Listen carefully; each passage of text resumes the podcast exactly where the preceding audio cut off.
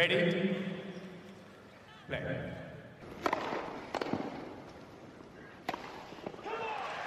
Merhabalar, Raket Servisi hoş geldiniz. Ben Gökalp. Ben Anıl merhaba.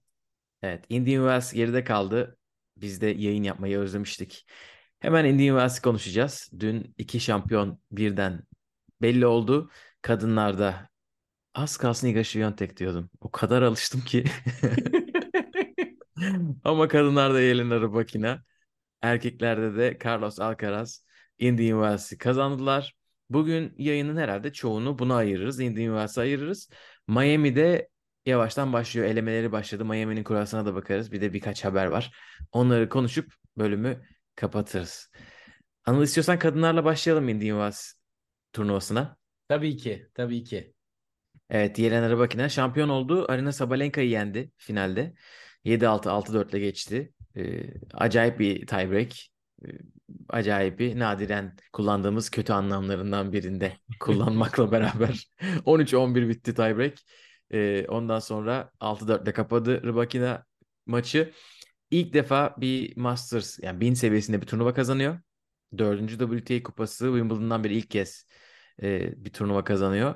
Sabalenka'ya karşı da ilk galibiyeti. Bu zaten Avustralya'da da bunu konuşmuştuk. 3'e 3'te 0'dı o zaman. 4'te 0 olmuştu Avustralya finalinden sonra. Şimdi 5'te 0 engelledi. Bu hafta tabii 1 ve 2 numaraları yenmiş oldu. Yarı finalde Świątek'i geçmişti. Finalde de Sabalenka'yı 1 ve 2 numaralara karşı arka arkaya 4.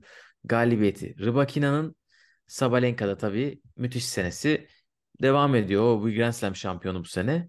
Indian Wells'te final görmüş oldu.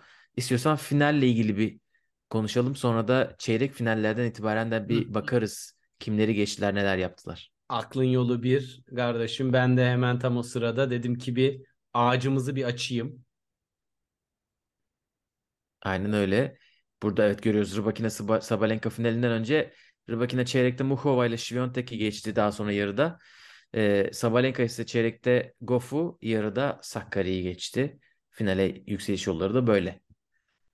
Evet yani e, Rybakina gerçekten e, hem Avustralya açığın rövanşını aldı hem de Iga Świątek'in yani dominasyon ötesi e, serisini bir anlamda çok net bir skorla geçti ve burada e, sana sormak istediğim e, maç içerisinde bahsedilen en önemli konu taktiksel ve özellikle backhand tarafında e, Iga'nın zayıf kalması ve Rybakina'nın bunu e, özellikle rallilerde e, kortun içine girerek baskıyı arttırma yönünde çok iyi kullandığını e, sö- söylüyorlar.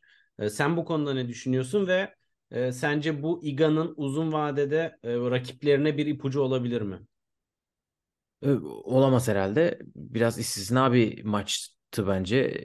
Çünkü bu sene ikinci kez oynuyorlar. Avustralya açık yarı finalinde de oynamışlardı. Orada skor böyle değildi. Tabii. 6-4 6-4'tü. Hani daha yakındı. Birer break vardı iki sette de. Ee, ama burada Świątek'in 6-2 6-2'lik skoru daha kötü gözüküyor. Çünkü e, sürekli kort hızlı konuşuluyor. 10 gündür. E, daha yavaş bir kort olduğu Medvedev konuşuldu. sayesinde. Aynen Medvedev Rybakina'ya da sordular. Rybakina da aynı şeyi söyledi. Aslında benim için dezavantajı olması gereken bir kort dedi. E, tabii şunu başta söylemek lazım belki. Świątek zaten sonra attığı tweette de söyledi. Benim kaburgamda bir sıkıntı var. Onun için yüzde yüzümde değilim diye. E, bunu özellikle servisinde görmek mümkündü maç boyunca. Çok. Rybakina returnlerde çok iyiydi. Yani finalde de çok iyiydi. E, yarı finalde de Świątek'e pek göz açtırmadı. E, o return itibarıyla eline alınca kontrolü rally içerisinde e, çok iyi devam etti. Backhand çapraz rallisine çok girdiler. Evet, Rybakina net olarak üstündü. Ama mesela forehand çapraz rallisine girseler kimin üstün olmasını beklersin? Ben maçtan önce Świątek'e hiç şey yapmam yani tereddüt etmem. Świątek forehand'de götürmesi lazım. Ama Uzak bu, ma- bu maç öyle olmadı mesela. Bu maç Rybakina e, forehand çaprazda da daha üstün taraftı. E, o da onu söylemiş. Ben şu anda böyle en iyi tenisimi oynadım maçın bazı anlarında demiş Rybakina. Hani çok açık ara fark vardı. O en iyisini oynuyor. O en iyisinden uzak. Böyle bir skorla sonuçlanıyor zaten bu durum. Yani Iga'nın da e, fiziksel olarak bir insan olduğunu e, görmüş olduk bence de. E, bir de sana şey sormak istiyorum. Rybakina turnuvaya yine başlarken tabii finalde merkez kortta oynadı ama e, organizatörler tarafından yine çok böyle göz önünde olmayan kortlarda başlatıldı burada da. Yani Rybakina'nın nedir bu çektiği? Veya bu e, radara yakalanmamak, böyle rahat ilerleme, göz önünde olmamak aslında işine mi geliyor? Yani e, ben de bu konuyu biraz garipsiyorum açıkçası. Wimbledon şampiyonu, e, Avustralya açık finalisti. Daha ne yapması lazım? Merkez kortta başlayabilmek için turnuvaya. Hani bu da biraz yine ilginç oldu bence. Evet ben onu kaçırmışım. Ki turnuvayı da aslında Ken'in maçıyla açmış. Hani Ken'in hiç öyle uzaklara gönderilecek bir maç değil. Ee, bu, ama kaç numaraya yükseldi? 7 numaraya yükseldi. Daha devam ediyor yükselmeye. Artık kaçışı yok. Kendisi zaten buna bir dur diyor şu anda. Yapacakları bir şey kalmadı. Evet. Sabalenka aynı şekilde aşırı istikrarlı e, devam ediyor ve e, özellikle yine golf maçında e, ben e, gördüğüm kadarıyla çok ciddi bir e, güç farkı birçok matchup'ta geliyor. Özellikle kortun içinde kalabildiği e, zamanlarda, çok geriye atılmadığı zamanlarda. Yani toprakta tabii biraz daha soru işareti ama hem Rybakina'nın oyunu biraz toprakta şimdi soru işareti hem de Sabalenka'nın Miami'de iyi puan toplayacaklardır ama yine de. Evet Sabalenka'nın bence burada gözükmeyen maçı en e, önemli maçı oldu. Bu sene tek mağlubiyetini Krejcikova'ya almıştı. Dördüncü turda Krejcikova ile oynadılar. Ve orada güzel bir galibiyet ona karşı. Hemen e, gelelim. 6-2'lik set kaybetmişti o maçta. Son setine 6-4. Çok yakın bir set. Hani e, o şekilde alması onun için iyi oldu. Çünkü finale kadar bu sene kaybettiği tek maç vardı. Indiği maç finaline kadar. Dubai'deki Krejcikova maçı orada da 6-0 3-1 öndeydi. Hani aslında bu sene öyle geliyor Sabalenka. Ee, geçen seneyle alakası yok. Özellikle geçen senenin başıyla. Ee, bu, o nadir kişilerden biriydi kortla alakalı güzel yorumlar yapan. Çünkü o şey dedi. Kortun yavaş olmasını ben seviyorum çünkü benim hazırlanmama daha çok zaman veriyor. Ben benim o büyük e, işte swinglerime, büyük İşte toprakçı konuşuyor. aynen güç e, uygulamalarıma daha fazla zaman yaratıyor benim için dedi. E, ki e, Rybakine'ye karşı da ben çok şaşırdım ilk seti almamasına. E, çok fazla çok değişik noktalarda momentum onun tarafına doğru gitmişti. Hani e, kort biraz daha ondan yana gibiydi. Golf maçında çok ortaya çıktı.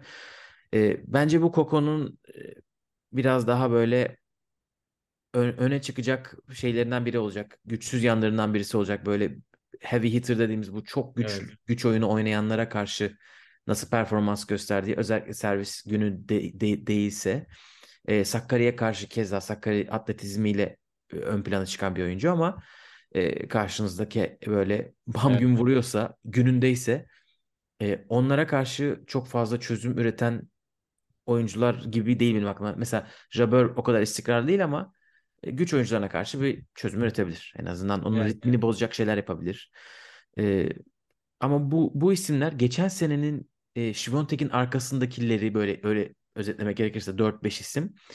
Bu sene Rybakina, Sabalenka, Krejcikova bunlara karşı ne yapacaklar merak ediyorum. Bence onlar bir alt gruba iler düş, düşebilirler. İlerleyemezler tabii düşebilirler. Bana öyle geliyor.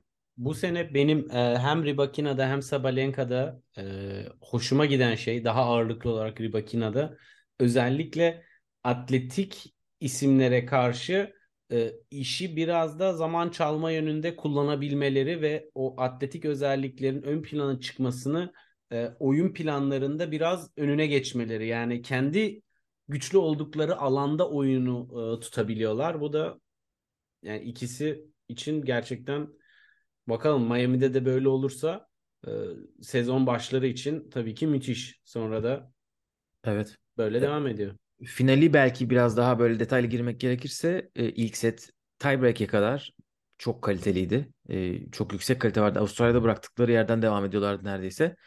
E, ikisinin de büyük ihtimalle hiç bakmadım şu anda ama winner basitata farkları pozitiftedir. Ama tiebreak'te ikisi de döküldüler. E, arka arkaya hatalar. Sabalenka sanırım 3 çift hata yaptı tiebreak'te. ikisi set sayısında. E, Rybakina bir çift hata yaptı. E, ve iki basit hata yapmış olması lazım çok kritik yerlerde.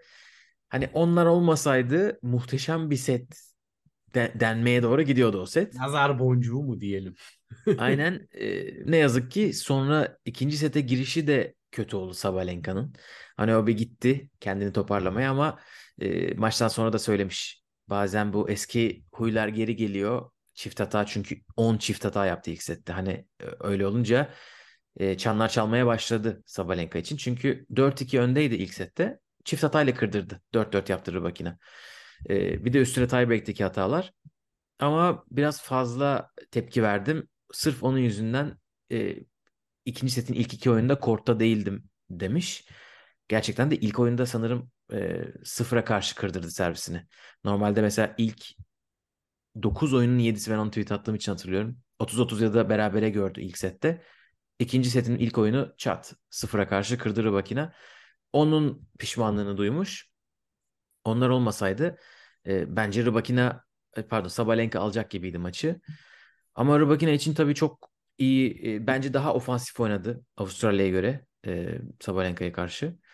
E, benim hoşuma giden Rybakina tarafında e, son 3 maçı özellikle bambaşka tarzda oyunculara karşı. E, Świątek gibi çok spinle oynayan bir isim. Sabalenka gibi bir güç oyuncusu ve Muhova gibi çok çeşitli olan bir e, oyuncu ki Muhova da çok iyi geliyor. E, Dubai'den sonra burada da çeyrek finale yükseldi. Burada 4 İstikrar. tur geçti. Evet, evet. Ve şu anda Miami'de ikinci eleme maçını da kazanıyor sanırım. İlk eleme maçında e, Watson'a iki oyun kaybetmiş. Hani öyle formda bir Muhova'ya karşı Rybakina bir şekilde onun o pis toplarına, e, kısa slice'larına, kısa toplarına çözüm buldu. buldu. Aynen öyle. Onun için Rybakina için ben toprakta da bir şeyler bekliyorum. Zaten o da onu demiş. Ben toprakta kötü oynamıyorum gibi bir şey demiş. Çünkü insanlar şimdi acaba Rybakina toprakta nasıl olacak diye sormaya başladılar. Fransa'da 3 geçen tane büyük kort var. Hani birini alırlarsa izleriz. Evet, e, geçen bölümde de konuştuk gibi, hatırlıyorum. Rybakina'nın çeyrek finali var. Hani evet. Pavlyuchenkova'ya kaybetmişti galiba. İkisi çiftler oynuyorlardı hatta o sene. Onun için bence o zamanlar aklına gelir ve tekrar e, toprakta güzel oynamaya başlar gibi düşünüyorum ben. Ben bir de bu turnuvada e, bir ismi daha konuşmak istiyorum. E, Emma Raducanu. Świątek'e karşı kaybetse de e, gerçekten onun için özgüven kaynağı olan e, maçlar oynadı. Hem Danka Kovinc'e karşı çok net galibiyet elde etti ilk turda. Hem Magdalinet gibi formda bir ismi yendi. Beatriz Haddad tam kendi kortu olmasa da çok yükselişte olan bir ismi e, geçmeyi başardı. E, yani onun içinde güzel bir momentum görünüyor gibi şu anda. E, dediğine göre telefonunu telefonuna bakmıyormuş, sosyal medyaya bakmayı bırakmış e, odaklanmak için. Böyle de bir şeyler söylüyor. E, bilmiyorum, izleme şansın oldu mu Emma'yı? Senin var mı bir düşüncen? Yok. Yok onu izleyemedim ama onun bir hastalıktan dolayı çekilmek üzere olduğunu hatırlıyorum. Turnuva başı bir boğaz iltihabı gibi bir şey konuşuluyordu. Onu Hatta artık kaçırmışım. o kadar fazla böyle e, neden çekildiğine dair spesifik şeyler var ki tenis Twitter'da biraz dile düşmüştü. Tenis Twitter tabii yapıyor bunu. E, ondan Acımaz. sonra aynen 3 maç kazanması ki ikisi ilk 20 oyuncularına karşı güzel. Ben skorlardan sadece yola çıkarak Świątek'e 3-1 yenilebilirsin yani orada bir sıkıntı yok. Her zaman olabilir. Tenis Twitter'ın zaten anlayışlı olduğu yeryüzünde bir tane tenisçi var. Tsitsipas. Hangisi? Ha, Andy Murray diyeceksin falan Yok. sandım. Bu kadar fake tweetle bu kadar shitstorm olmayan ben başka bir isim imkansız. Yani Yani oldu biraz. E, feminizme karşı bazı tweetler attı birkaç ay önce. Birkaç ay kendi bilmiyorum. olmayan düşüncelerini. Aynen ben böyle okunmasını istiyorum. Feminizmin tarzı böyle şeyler yazdı. Ya ama dün gördüğünü bilmiyorum. Dün tenis Twitter'dan birisinin tweetini Evet. çalmış ama ona hadi şey diyelim. Hoca anlamasın diye 2-3 kelimeyi değiştirmiş bu sefer. Copy paste yapmamış. ChatGPT anlar, affetmez. Tenis Twitter bunu yutar mı? Hiç ChatGPT'ye bile gerek yok. Herkes anlamış artık o kadar alay konusu oldu ki bence Tsitsipas'la e, çok şey yapılmamasının sebebi deli konuş gibi. Hani Ha, herkes değil mi? Böyle biraz o moda geçtik. Evet. Acayip. Ama kadınlar adına çok e, seyir zevki yüksek, skorları sert e, ve oyun seviyesinin yükseldiği bir e, turnuva oldu diyebilir miyiz? Evet bir de bence geçen sene göre iyi haber. E, Świątek'e kim dur diyecek. Artık böyle sıkılmanın eşiğinde olan bir soruydu bu. Şu anda en az iki kişi var çok güçlü oynayan ve birbirleriyle oynuyorlar artık. Świątek onlardan birini bile yenemiyor. Hani iki büyük turnuvadır. E, bir de onların dışında da işte bence Krejcikova bu sene bir şeyler yapabilir. Çünkü bu isimleri zorlayan o. Ya Świątek'i iki finalde yenen o. e, Sabalenka'yı yenen o. O, o, o var. Ondan sonra e, başkaları da gelirse e, artık o soru geçen seneki gibi olmayacak. Ondan bence daha eğlenceli olacak bu Evet, sene. evet. Ben de özellikle erkekler tarafında yaşadığımız bir sürü e, üst düzey ismin sakatlıklarından dolayı böyle turnuvaların hafif güdük geçmesi bir de tabii e, Djokovic'in e, aşıya olan düşmanlığı karşıtlığı da biraz o katkı sağlıyor. E, rekabeti tabii farklı bir noktaya getiriyor orada. E, o yüzden Evet. Erkeklere geçelim o zaman istiyorsan. geçebiliriz. Erkeklerde Carlos Alcaraz Carlitos. Dani, aynen Daniil Medvedev'i yendi finalde 6-3 6-2 ile çok rahat geçti. Bir numarayı geri aldı. Dünya bir numarası tekrar. Ee, hem Miami hem Indian Wells'i kazanan 9. erkek tenisçi oldu ve en genci oldu. Ee, bunu en genç başaran isim oldu. Medvedev'in de 19 maçlık serisi bitmiş oldu. Onun 19 maçlık bir serisi var. 4 kupa mı kazanmıştı arka arkaya? 3 kupa Evet, evet. kazanmıştı ya da 3 kupa bu 4 olacaktı sanırım. Ee, ama Daniil Medvedev de yükselişine devam ediyor. 5 numaraya yükseldi. 4 hafta önce belki unutmuş olabilirsiniz. Medvedev ilk onda değildi. Şu anda 5 numarada. Ve Naza ne oldu Medvedev'e diye konuştuğumuz Rafael Nadal'la oynadı Avustralya Açık 2022 finalinden beri kayıplarda fıtık, ameliyat, o bu şu, moral derken iş çok başka noktalara geldi bir ayda. Ki Medvedev ilk çıkışı da bir başladı 6 hafta üst üste ya final ya kupa aldı. Coşa Evet. geldi. Evet. 2019 yazında Evet, acayip şeyler yapmıştı. Şimdi Bu sene de şu anda tersten. 3 mağlubiyeti var ama o 3 mağlubiyeti hiç kötü gözükmüyor. İlk hafta Djokovic'e kaybetti. Avustralya'da Korda'ya çok güzel bir maçla kaybetti. Evet, Ve şu anda e, işte Alcaraz'a kaybetti. E, Alcaraz da bu arada 20 yaşından önce 3 Masters kazanan iki isimden biri olmuş oldu. Diğer isim Rafael Nadal tabii ki tahmin etmişsinizdir. Şaşırdık Çünkü mı? Her rekorda onun yanına geliyor ama Nadal bunu 6 defa yapmış. Zaten e, Djokovic'in kıramayacağı tek rekorlar e, Nadal'ın gençlik rekorları çünkü artık yaşlı. hani oradaki zamanı geri çeviremiyor. Orada da muhtemelen e, hani Nadal'ın rekor sayısı daha az olsun diye belki o da Alcaraz'ı destekliyordur. Hadi oğlum al birkaç tane daha ben yoğum. Evet onlar devir teslimlere devam ediyorlar. Böyle rekorları yapmaya, kırmaya. Acayip bir iş. Alcaraz tabii şu anda Indian Wells kazandı. Bunu dün izlediğimiz için birkaç haftadır Alcaraz konuştuğumuz için normal gelebilir. Ama bu çocuk Avustralya açığı kaçırdı. Hani sakatlıktan dolayı. Sakatlık dönüşünü Güney Amerika'da toprakta yaptı. Acapulco'ya katılmadı ve Indian Wells'e geldi direkt. Ee, Acapulco'ya da sakatlığı nüksettiği için katılmadı. Hani onu da Evet, onu ben hazırlık biraz temkin gibi okudum ama nüksetmiş de olabilir. Ama Indian Wells'e geldiğinde Juan Carlos Ferrero %100 hazır dedi. Alcaraz için yani %100 fit dedi. dipçik. Gerçekten de görmüş olduk. Set kaybetmedi e, bütün 6 maçında. Ve çeyrek finalde Felix'i, yarı finalde Sinner'i, e, finalde de Medvedev'i geçti. Hani son 3 maç hiç öyle Sert maç. aynen Her küçümseyecek- semin için çok sert rakipler. Siner Alcaraz eşleşmesi zaten. Ee, ne izleyenler geçtiğimiz turnuvalarda özellikle US Open'da bilirler nasıl sert bir eşleşme olduğunu. Ve e, set kaybetmeden 6 maçını da set kaybetmeden bir başarabilen Rafael Nadal'dan 2007'den beri ilk isim. 2017'de bunu Federer yaptı ama Federer'in bir turu bay geçti. Rakibi çekildi. Yani e, tekrardan bu işin o kadar kolay olmadığını özellikle sakatlık dönüşü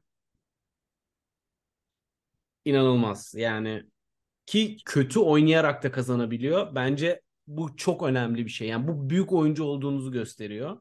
Özellikle e, yarı final Siner maçında bir sekans vardı. 4-2 öne geçti. Seti koparıp bitirecekti. Bir anda bütün topları özellikle long line topları çaprazlar yenici long line topların hepsi ya Paralel. out ya fileydi. Pa- Paralel topları ve e, 10-11 sayı üst üste kaybetti. Ve Evet. oradan dönüp seti kazanacak momentumu tekrardan yakaladı. Ee, bu yani bu genç yaşta kafanın içerisinde ne kadar savaşçı olduğunu e, gösteriyor. Evet bu şey demiş bu arada maç, e, maçtan sonra finalden sonra. E, tenisim geçen seneye göre çok fazla gelişim göstermedi. Çok gelişim gösteren taraf e, üstümdeki baskıyı kaldırabilmem, daha rahat oynayabilmem diyor. Bu gerçekten çok iyi bir analiz bence de hani geçen sene bu zamanlara göre sonuçta Miami'yi kazandı. Tenis olarak çok bambaşka bir Alcaraz görmüyoruz artık. Ama kafa olarak dediğin gibi kötü oynadığı maçlara tutunabiliyor. Ee, o sapta, sapmalar biraz azaldı gibi böyle set içerisinde çok kopuyor bazen geçen sene gördük. Şimdi biraz sanki onlar özellikle Medvedev maçında minimumdu bence kendisi için. Sinner o kadar değildi. 10-11 sayı ben de hatırlıyorum ilk sette arka arkaya Sinner kazandı. Ee, o da e, bunlara karşı cevap bulmaya devam ediyor. Çok fazla şey var tabii. Bunu geçen sene arka arkaya kaç bölüm konuştuk. Çok fazla elinde silah var. Ve onları ne zaman nasıl kullanacağını sürekli düşünüyor gibi gözüküyor kortta. Böyle geri çizgide iyiyim, hadi burada yapışayım oynayayım değil. Drop shot sürekli aklına geliyor. Fileye çıkıyor ve bunu Medvedev'e karşı değil sadece diğer maçlarında da yaptı. Hani kaybediyor filede sayıyı ama tekrar çıkıyor, tekrar deniyor. Ve bence bazı eşleşmelerde artık kendi yaş grubunda Felix'e karşı mesela çeyrek finalde e, bir backhand tarafında Felix'in böyle gözle görülür bir şeyi var. E, defosu var diyeyim. Evet. Hani orada backhand çapraza girdiler mi Alcaraz orada götürdü. Yok. Sinner'e karşı da bence e, psikolojik bir üstünlük elde etmeye başladı. Sinner'in ben kortta biraz ürküyor gibi görüyorum Alcaraz'a karşı. E, bilmiyorum bu kaybettiği maçtan sonra olduğu için mi yoksa geçen seneki şeyler mi aklımda var? Hani Amerika açıkta maç puanından kaybettiği maç. Ama e, Darren Cahill de mesela Sinner'e şey diyordu. Hadi biraz daha sesini duyayım, biraz, maçı istediğini bana göster diye yandan bağırıyor. Hiç öyle taktik bir şey söylemiyor. Çünkü Sinner'de servis de var, forehand de var, backhand de var. Alcaraz'da ne varsa onda da var. Ama aralarındaki sanki o mental e, seviye biraz farklı yerlere gidiyor gibi. Ki ben bu sene Siner'in oyununun geçen seneye göre tempo ve güç anlamında e, geliştiğini düşünüyorum. Yani Doğru. zaten vücut olarak baktığın zaman bir gelişim var e, fiziksel olarak. E, bu özellikle e, Alcaraz maçında şeye çok odaklandı. Bir tık geride kaldığı zaman Alcaraz topları yükselttiği zaman onları erken alıp çok sert bir şekilde e, vurmaya odaklandığı zaman inanılmaz güçler üretti o da. Yani 150-160 kilometre hızlarla paralel toplar vurdu. E, bunları bu seviyelerde geçen sene bu kadar yapmıyordu. Ama Alcaraz da yaptı. Alcaraz'ın özellikle çaprazlardaki o kortun içinden çapraz forehand winner'ları yani çapraz rallisinde winner vurmak çok zordur aslında. O kadar hızlı bir reaksiyon gösteriyor ki rakip ayaklarını tekrardan öbür tarafa toparlayamadan tak indiriyor. Gerçekten e, bu açıdan ikisinin de güçlendiğini söyleyebilirim. Alcaraz her ne kadar geçen sene göre çok oyunum değişmedi diyorsa da bence e, yani öyle bir istatistik olsa hızlarını karşılaştıran ben ikisinde de geçen seneye göre vuruş hızlarının arttığını en azından ikililerin maçları özelinde e, gözlemledim. Evet, e, yani Indian Wells yarı finali tabii hiç fena değil ki geçen senenin şampiyonluğu eledi Yannick Sinner onu da söyleyelim. Ondan önceki maçta Wawrinka'ya hiç şans vermedi. E, Wawrinka da Holger Rune'yi geçtiği için e, hiç fena bir şey değildi. E, maç değildi aslında o. Sinner için de iyi galibiyetler var Indy Invest'te. Miami'de geçen Hemen açalım. Finalisti diye hatırlıyorum. Onun için e, tabii biraz daha puan koruyacak. Onun için biraz şey vardır. Pardon çeyrek finalistmiş. Geçen sene tabii Alcaraz'la Ruud oynadılar. Benim aklım bir an Hurkaç Siner maçına gitti. E, ama yarı, çeyrek finalde tabii korunması gereken puan demek. Bakalım ne yapacak göreceğiz. Evet stres seviyesi e, yüksek bir turnuva onun içinde ama toprak sezonda da Siner'de Carlitos'ta ciddi işler yapacağı için ben çok fazla Roland Garros öncesi puan baskısını şimdiden hissetmeye başlayacaklarını e, düşünmüyorum. Hani Alcaraz başı bence hissedecektir. Çünkü Alcaraz'a sürekli dünya bir numarası soruluyor. Mesela Miami'yi kazanmadığı takdirde bir numarayı kaybedecek. Bir de Evet. Madrid kupası var Al- Alcaraz'ın o zamana kadar. Siner öyle değil ama bence Siner 10 10 numaralarda rahat olacaktır. Ama yani ben e, Alcaraz'da e, bence genel olarak ona bir numarayı sorsalar da e, ekibin ona e, çok iyi danışmanlık yaptığını e, düşünüyorum. Yani e, puan için turnuva araya sıkıştırmak mesela yapabilirdi Acapulco'ya iki tur geçse puan puandır diyebilirdi. Yapmadı mesela. Bu da e, bence önemli bir e, gösterge. Avustralya doğru. açığa e, riske etmedi. ATP finallerini riske etmedi. Yani e, vücudunu genç yaşta toparlarım deyip iğneyle filan oynayıp uzun süreli sıkıntılar yaşamak yerine çok korkmadan turnuva es geçiyor. Hani e, bu bence çok olumlu. Ki bence zaten hani şeyde vardır. Daha çok bir numara olacağım. Hani şimdi acelemiz yok bu yaşta. Ama e, erkekler tarafında da biraz e, fena olmayan skorlar olmasına rağmen daha kadınlara göre sönük kaldı tabii ki hem Nadal'ın hem Djokovic'in olmamasından ötürü. Fakat e, burada e, konuştuğumuz isimlerin haricinde demin bir araya es verdin ama Wawrinka'yı da bir konuşmak istiyorum Gökalp ya. Evet. Wawrinka çok iyi oynadı. Çok iyi oynadı. Yani Ben, ben kaybetti. izlemedim. Ben sadece e, dramatik magazinsel e, videoları izledim. Yok. El sıkışma. Yani e, burada e, hem e, Keçmanovic'e karşı izledim hem Rune'ye karşı izledim. Ayakları çok iyi çalışıyor.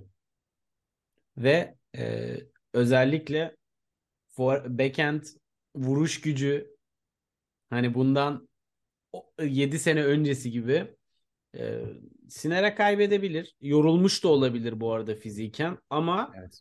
benim uzun ar- uzak ara gördüğüm en iyi Wawrinka'ydı.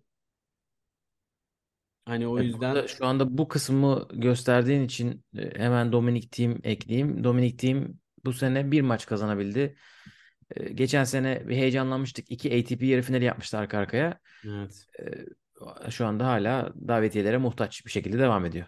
Anlaşılan Forehand'i geldi falan demiştik. Bir heyecanlanmıştık. gelmişti de ama psikolojik olduğunu artık e, ben eminim gibi bir şey yani. Hani Evet artık çünkü toprakta gelmesini bekliyoruz geri ama bu sene toprakta da bir şey yapamadı. O kadar gitti oralara.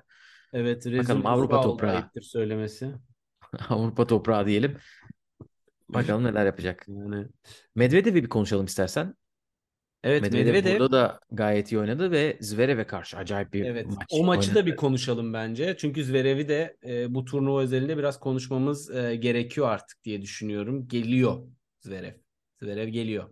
Evet bir de aralarındaki eşleşme zaten çok birbirine yakın. Ee, Zverev hani sever Medvedev gibi oyuncuyu bence. Ee, karşısında öyle bir oyuncu olmasın. Yani o, o tarz İzlemesi çok oynayan. keyifli de bir matchup. Yani bizim için de Ben- izlemesi keyifli. Ben hiç sevemedim bu matchup'ı. Bana çok zor geliyor izlemesi. Hani mesela stiller benzeyince izlemesi Hmm. zor geliyor diye düşünüyorum. Onun için ben Rybakina Sabalenka'da da aynı şeyi bekliyordum. Orada olmuyor mesela bu. Ama Medvedev Zverev'de Allah'ım top ölmüyor gibi geliyor. Ama tabii e, çok yakın geçiyor Zeminden, maçlar. zeminden. Sen şimdi onları Miami'de gör. Evet, aynen. Bu zemin e, zeminin çok konuşulduğu ikinci maçtı galiba. İvaş, İvaşka maçında Medvedev bir çıldırdı. Zverev maçında artık o kadar fazla şaklabanlığa girdi ki iş. E, Zverev şey falan diyordu hakem hani ne diyor bu? Ha okey gülüyor falan. Öyle bir yere gitti. Çok kötü düştü bir yerde Medvedev. Bileğini Evet. burktu. E, maçı bırakacak mı derken bırakmadı ve o seti 7-6 aldı. Üçüncü sette de 7-5 ile bitirdi maçı. Ve orada dikkat ettin mi? Ee, Zverev sanırım acayip empati yaptı. Hemen yanına gitti. Ayağını kaldırayım mı? Bir şey dedi. Hani Evet. orada durdu. Sonra bir anlamadım. Medvedev bir garip garip işaretler yaptı. Fizyo fizyo dedi. Hani dokunma. Sen dokunma dedi evet. Evet Çünkü evet. Zverev onu rahatlatmak için ayakkabısını Evet. mı çıkaracak? Sakın sen dokunma dedi. Bilmiyorum böyle öyle bir şey yaptı ki şey, panik yaptı ki ben dedim hani bu şey gibi geldi bana. Dokunursan sigorta karşılamayacak. Hani öyle bir Dur. Taksidi Öyle- bitmedi daha. öyle bir dokunma dedi ki Zverev'e. Ee, iyi bir şey bu arada tabii yani sen Tabii. müdahale yapmamalısın. Orada bir kırık falan varsa. Evet. Ama herhalde o da e, iyi niyetten hani iyi niyetli hareket deyince ilk akla gelen isimlerden biri Zverev olmadığı için hani e, ters taraftan da bir hakkını vermek gerekir herhalde çeken bilir tadında E, ama yani hemen geri döndü. Tabii ki e, o sırada e, yanlış hatırlamıyorsam 40 30 30 40 mıydı durum? 40 30 muydu neydi? O oyunu o aradan sonra e, Medvedev aldı yine toparladı. Oradan aktı gitti. Ama maç zaten çok yakın geçti. Zverev atletik olarak çok iyi durumdaydı bence. E, Servisi de iyiydi bence. servisi de iyi. E, ben e, açıkçası e, forehand'i ile backhand'i ikisi arasında çok gidip geliyorum. Bir bazı sekanslar forehand'i kötü, bazı sekanslar backhand'i kötü. Hani e, çok daha iki tarafta da istikrarsızlık var. Ama e, önemli olan bence bir şey var. Zverev adına ikinci servisi sıkıntılı değil. Hani bu Evet bence de iyi iyi bir noktada. Şu anda daha kaç turnuva oynadı. E, ATP böyle YouTube'da güzel videolar yapıyor. E, oyunculara tahminler soruyor. Bu senenin ön plana çıkacak oyuncusu kim olacak gibi böyle kısa röportajlar yapıyor. Bir tanesinde bu sene en çok Masters kim kazanacak diye sormuş oyunculara. Nadal'ın cevabı Zverev. Çok şaşırdım. E, ben bilirim diyor böyle uzun sakatlık dönüşünde çok iştahlı olursun. Onun için bence Zverev en çok Masters kazanacak isim diyor. Ben de dedim herhalde belki Kasım'da bu videoyu izleriz Nadal işte kahin falan diye. Bakalım bir takibi alalım performansını Vallahi. Zverev'in diye düşündüm. 2014 yılında Twitter'da biri senelik Şampiyonlar Ligi şampiyonu tahminlerini yazmış ve 2023 için 2014 yılında Napoli demiş. Hani e, onun ötesine geçemez ama yine de o kadar o kadar olmasa da yine iddialı bir e, Evet demek biraz ben. iddialı. Kendi performansından ve Federer'in 2017 performansından yola çıkıyorsa öyle yapmamıştır herhalde diye düşünüyorum. O kadar da değildir. Valla 2017 tenis sezonunu çok özlüyorum be. Ha, Yine beni sokma şöyle duygusal modlara. Nostaljiye girdik. Of Ee, çok güzel. Tiafo, Tiafo güzel bir turnuva çıkardı. Yarı Değiştir finalde konuyu hızlıca.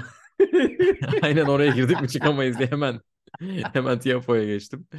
E, yarı final gördüğü Indian Wells'te Amerika'da seyircisi önünde güzel maçlar kazanmaya devam ediyor ve Medvedev'e karşı ikinci sette başlayacağım ben böyle maça dedi ve de her vuruşta Servis her voley. serviste servis voleye gitmeye başladı ve return'de de bazı rallilerde gitti. Çok iyiydi bence başarı oranı olarak. Ya o kadar fazla çıkmaya %65-70 çok çok iyi bir oran Tabii. gibi düşünüyorum. Zaten kaç 7-8 tane falan maç puanından sonra ancak Medvedev e, maçı bitirebildi. E, çok eğlenceli bir maçtı. Tiafoe'nun zaten biraz e, atanamamış Kyrgios gibi bu konuda. Hani büyük maçta ekstra oynuyor. Evet. Ya bu bu taktiği bu arada herkes konuşuyor Medvedev'e karşı oynanırken neden daha çok oyuncu oynamıyor diye. E biz de merak ediyoruz. Yani ya onu tabii Medvedev vermiyor olabilir o fırsatı çok derin vurduğu zaman. Bazen oyuncular bence kendi voleylerine güvenmiyorlar. O da o. E, ama Medvedev de söylemiş zaten yani o da basın toplantısından sonra diyor ki e, yani ben hani bu servis voley taktiğinden sonra çok kötü oynadığımı düşünmüyorum. Çok passing shot da vurdum diyor. Ama Tiafoe da hani efsane voleyler vurdu diyor. Hani herhalde herkesten o seviye voley vurmasını beklemiyor. Ki bu seti kazandı bu arada. Hani bu kadar iyi yapılan bir şeyi. Sadece Tiafoe tabii o sette bir break gerideydi. 4-2'den geri döndü. Ya da ya 4-1 ya 4-2'den geri döndü. Medvedev'in tabii ona izin vermemesi lazım ki yarı finalde ne hikmetse kort daha hızlıymış. Medvedev basın toplantısında bunu da söylüyor. Hani Indian Wells'te diyor her gün her şey değişiyor diyor. Rüzgar olunca bir şey oluyor. Sıcakta soğukta her şey. Bugün hızlıydı. Bakalım e, pazar günü ne olacak? Pazar günü acayip rüzgarlıydı hava. Ve Medvedev çok kötü oynadı. Alcaraz ne kadar iyi oynadıysa Medvedev o kadar kötü oynadı ve ara açıldı. Ya zaten e, hani bu şeyde de hep konuşulur. E, hem özellikle US Open'da bu çok konuşuluyor.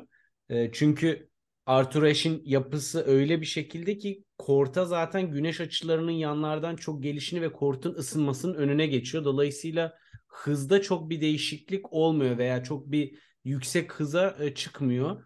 Dış kortlar güneşi yediği zaman inanılmaz hızlı oluyor ve e, atıyorum 3. turda dış kortta oynadın. 4. turda birden Arthur Ashe geldin. Bambaşka bir zeminde oynuyor oluyorsun ve oyuncular bundan dolayı böyle e, gerçekten bir turdan bir tura patlayabiliyorlar çok net oyunda. Hani bu çok gözle görebileceğimiz bir şey değil ama hani özellikle yüksek hava sıcaklıklarında günlük değişimler çok fark ettiriyor.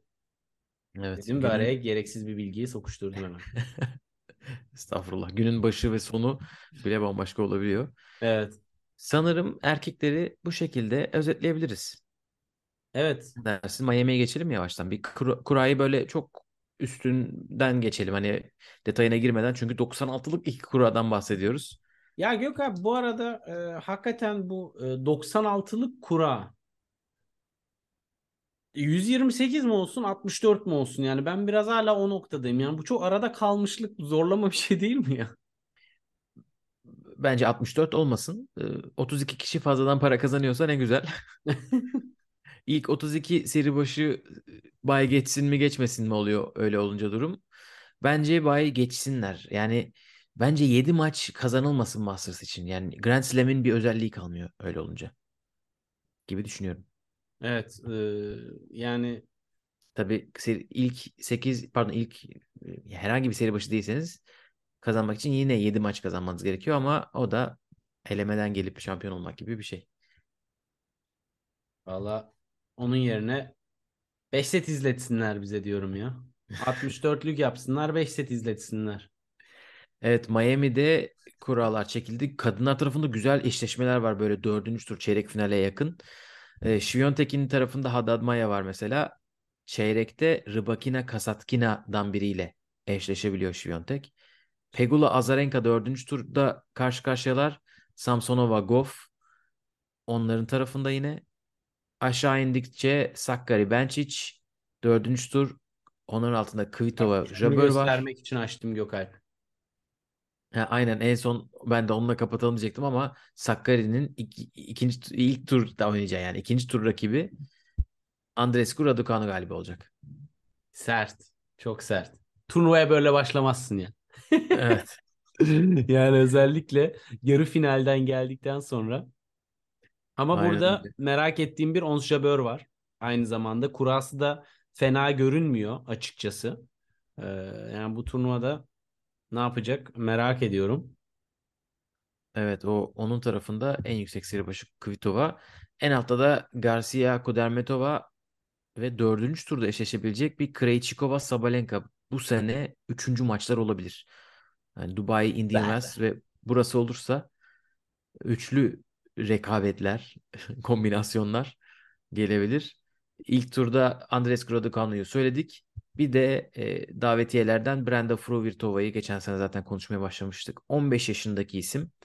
Avustralya'da ana tablo gördü Fruhvirtova.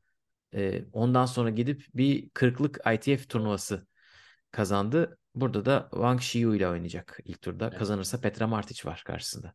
Fena bir kurası da yok diyebiliriz buradan bakınca. Ribakina'ya kadar. Badosa'nın form durumunu şu an çok kestirememekle beraber. Bence iki maç kazanırsa Brenda için iyidir 15 yaşında diye düşünüyorum. Çılgın, çılgın. Ama yani hani böyle biraz da alan oluşması gerekiyor ya parlayabilmesi için e, bu tarz isimlerin. Hani o açıdan bence e, alan var burada. Deyip erkekler tersi de olabilir bu arada. Hani e, Ha, baskı. böyle hayır baskıdan değil de böyle isimleri yenince manşet olmayabilir. Ha. Marti, Martic'i geçince çok konuşulmayabilir. Kasatkina'ya da öyle. Ama bir Rybakina maçı e, ortalığı sallar mesela. Çünkü kendisi Amerikalı değil. Amerikalı olsa 15 yaşında her galibiyeti Ha doğru. Orası öyle. Ya da Fransa'da bir Fransız. tabii. Türkiye'de bir Türk. Wimbledon'da bir Britanyalı. deyip erkekler tarafına geçip bu e, geyiği buradan noktalayabiliriz. Aynen. Alcaraz ünvanını korumaya geldi. Onun tarafında en yüksek seri başı Tommy Paul. Hemen altta Fritz ve Holger Rune var. Yani Alcaraz için aslında güzel iddialı bir kura. Böyle dördüncü turda Tommy Paul'la oynayıp sonra da Fritz Rune galibiyle olabilir. Tabii bunların hiçbirisi olmayabilir. Şurada bir Andy Murray sörümüzü hemen attı denklemin dışına ayıptır. Yo onlardan önce de Andy Murray olabilir. Üçüncü turda. Andy Murray de Alcaraz'ın tarafına düşmüş. Biz bunları konuşurken tabii elemeler oynanıyor hala Miami'de. Ee, böyle Perşembe gibi, günü gibi sanırım ya da Çarşamba ilk turlar başlayacak. Miami ile Indian Wells'in bu seneki programlarına girmeyelim. Böyle yaya yaya oynuyorlar. Geniş geniş. 10 12-13 gün falan oynanıyor. Değişik bir Yani şey. şey e, araya giriyorum Kur'an ama Lever Cup'ta 3 günlük hub formatların, yoğun formatların seyirciyi ne kadar içine aldığını, rating, ciro ve e, aynı zamanda seyir zevki olarak gördükten sonra e, tabii ki Evet. mantıklı bir hareket beklememek lazımdı. Tenis e, camiası ne de olsa değil mi? Evet onun tam tersi yapılıyor Her burada. gün bir maç. Her gün e, bir turun yarısı e, bir cinsiyet oynuyor. Ve e, hazır olun çünkü Wells ile Miami'ye biraz alışıktık. Bu sene Madrid ve Roma'da böyle olacak. Evet. Bakalım orada bir ay boyunca Madrid ve Roma iki turnuva nasıl geçecek göreceğiz. Yani turnuva sayısının azalmadığı bir dünyada böyle yapmaları e, şeylere yani şampiyon olan oyunculara bayağı ceza. Evet acayip. Özellikle toprakta Masters'ların arası da çok kısa. Evet hemen arka arkaya başlıyorlar. Burada Bu da biraz öyle. tabii onların arasını açacak. Evet. Şimdi Madrid şampiyonu Roma'daki ilk maçını 4-5 gün sonra oynayacak mesela. Burada E- bakınca Schwartzman yine e, tabii buranın uzak ara en formsuz ismi. E, Rune, Fritz, Chapo burada bence güzel şeyler olabilir. Evet, Edmund'dan Fritz Chapo da sürekli birbirleriyle oynuyorlar gibi hissediyorum. Burada da yine 3. turda birbirleriyle Fucovic. aynen o yaşanıyor. Alt tarafta O da Ruud buradaymış Zverev. bu arada. Aynen Fuciovic de burada. Ruud ne yapar merak ediyorum. Ee, artık bir toparlasın Ruud. Ruud kayıplarda. Geçen senenin finalisti. Evet. Onun için, burada iyi onun şeyler için yapması tabii lazım. kritik. Aynen Zverev'le 4. turda karşılaşabilir. Alt tarafta da Siner'le Rublev var. İki tane sert vuran isim. Ben Burada birbirleriyle karşılaşabilirler. Evet. Kur'an'ın Güzel maç. alt kısmı burada Hurkaç Nori var. Amerika'da güzel işler yapan iki şampiyon. Biri Ma- eski Evet. Miami, biri de Indian Wells şampiyonu. E, dördüncü turda karşılaşabilirler.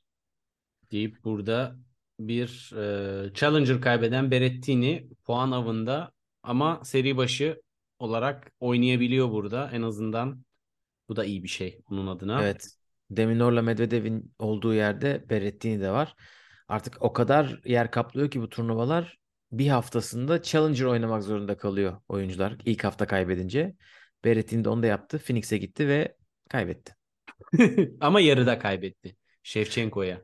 Evet. Şimdi Döndürmeyin Şevçenko'yu deyip e, burada Fenerliler iyi bilir deyip 27 takipçi kaybettim şu anda.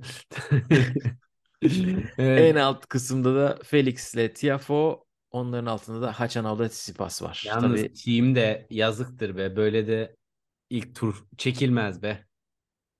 Sonego evet. Kazanırsa da Dan Evans. o da o da yani çıkış yok. Team'e bir gün yüzü yok. Evet aşağıda iki numaralı seri başı filozofumuz.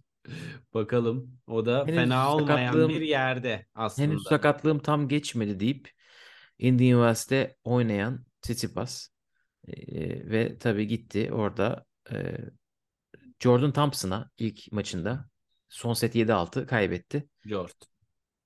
Jortladı. Jordan'a Jort. Jordan mı diyorsun? Evet. Jort. Çok kötü yerlere gidiyoruz. Onun için Miami'yi kapatalım. Ve de ufak haber turumuzu yapıp bu bölümü bitirelim. Nadal. Evet.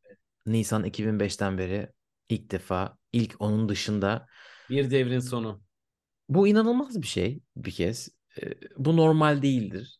Nisan 2005'te doğmayan belki de takipçilerimiz var şu anda. Doğmamış olan. Hani çok Ben acayip. daha üniversiteye başlamamıştım. Evet. İşte Twitter yokmuş. Bugün öyle şeyler okudum. E, ondan sonra Messi daha Barcelona ile gol atmamış. Coco Gauff emekliyor. Pardon. Linda Fruhvirtova anca doğmuştur. Yani öyle zamanlardan bahsediyoruz. Adam o zamandan beri iPhone yoktu ya. iPhone yoktu. işte. Düşünüyor musun? YouTube böyle bir videosu falan varmış YouTube'un. Şimdi şu anda biz YouTube'dayız. Saçma bir yere bağlayıp. Ee, o zamandan beri Nadal ilk onda ve ilk kez dışarıda kalıyor. Bugün bir takipçimin beni uyarmasından fark ettim ki Wimbledon puanları olsaydı Nadal daha ilk onun dışına çıkmayacaktı bile. Ee, birkaç ay daha gidecekti. Bence Wimbledon'dan sonra kesinlikle çıkardı ama en azından bir 3-4 ay daha gidecekti. Ee, muazzam bir başarı. Saygıyla eğiliyoruz önünde. Evet. Ah Wimbledon. Aldığın kararla neler ettin sen? Evet, bu sene onu yapmayacak gibi gözüküyor. Bakalım göreceğiz. Evet. Ama e, geri dönüşüm muhteşem olacak mantrasıyla hareket etmesini umuyoruz. Zira toprak sezonu açıyor yavaştan. Çoraplar kirleniyor. Spinler yükseliyor. Kickler telleri aşıyor. Adım adım. Aynen öyle Ee, ve de zaten şu an toprakta antrenman yapıyor. Evet. Göreceğiz bakalım nasıl dönecek bu sefer. Keyfi yerinde gördüğüm kadarıyla. Ee, bir haber de Federer'den geldi ama kendisiyle alakalı değil. On Running'in hissedarı Federer dedi ki iki yeni oyuncumuz var. Birisi Iga Świątek. Dünya bir numarasını almış. On e, gördüğüm kadarıyla hem kıyafet hem ayakkabı e, için anlaşmışlar. E, bir de Ben Shelton'ı da almışlar. Ama Iga Świątek çok tabii büyük bir transfer onun için. Çünkü e, kadınlarda ilk e, atleti olacakmış. On Running'in teniste. Erkek sanırım önceden vardı. E, deneyenler görmüştük. Coco Evet. Gauff da ayakkabısını giymişti ama imzalamamıştı herhalde. Yok Gauff değildi başkasıydı ya. Karıştırdım New değildir çünkü Coco kendi ayakkabısını Evet, yapmıştır. Balance'da. Aynen. Kim olduğunu unuttum şimdi pardon. Yanlış bir şey söylemeyeyim. Biri denemişti ama. Andy Murray giymişti. Evet. Ee, ama antrenmanda giyip ben bunu beğenmedim bu ne dediğini duyduğumu hatırlıyorum.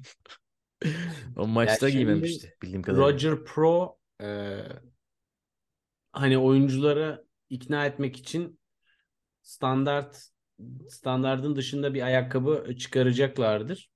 Ya oyuncular özelinde bunu hani herkes yapıyor bu arada. Yani bu standart bir şey. Hani Nike'ın Nadal için yaptığı ayakkabıyı gidip mağazadan alamazsınız. Hani hem şekil itibariyle hem e, kalıp, ağırlık filan bunlar tabii çok başka şeyler. Özellikle o seviyede oyuncular. Hani ayakkabı bir spor bir tenisçi için raketle beraber en önemli iki parça. Hani bunlar için herhangi bir parayı versen de e, oyuncuyu ikna edemezsin eğer iyi değilse. Dolayısıyla e, onu ikna edecek bir formül bulmuşlardır. Kıyafet tamamen paraya bakan bir şey. Parayı veren düdüğü çalar yani hani e, o açıdan. Ama Ayakkabının tabii çok iyi olması lazım. mı? Ee, 10 buradan yükselişe geçer mi? Daha da kitlesini genişletir mi?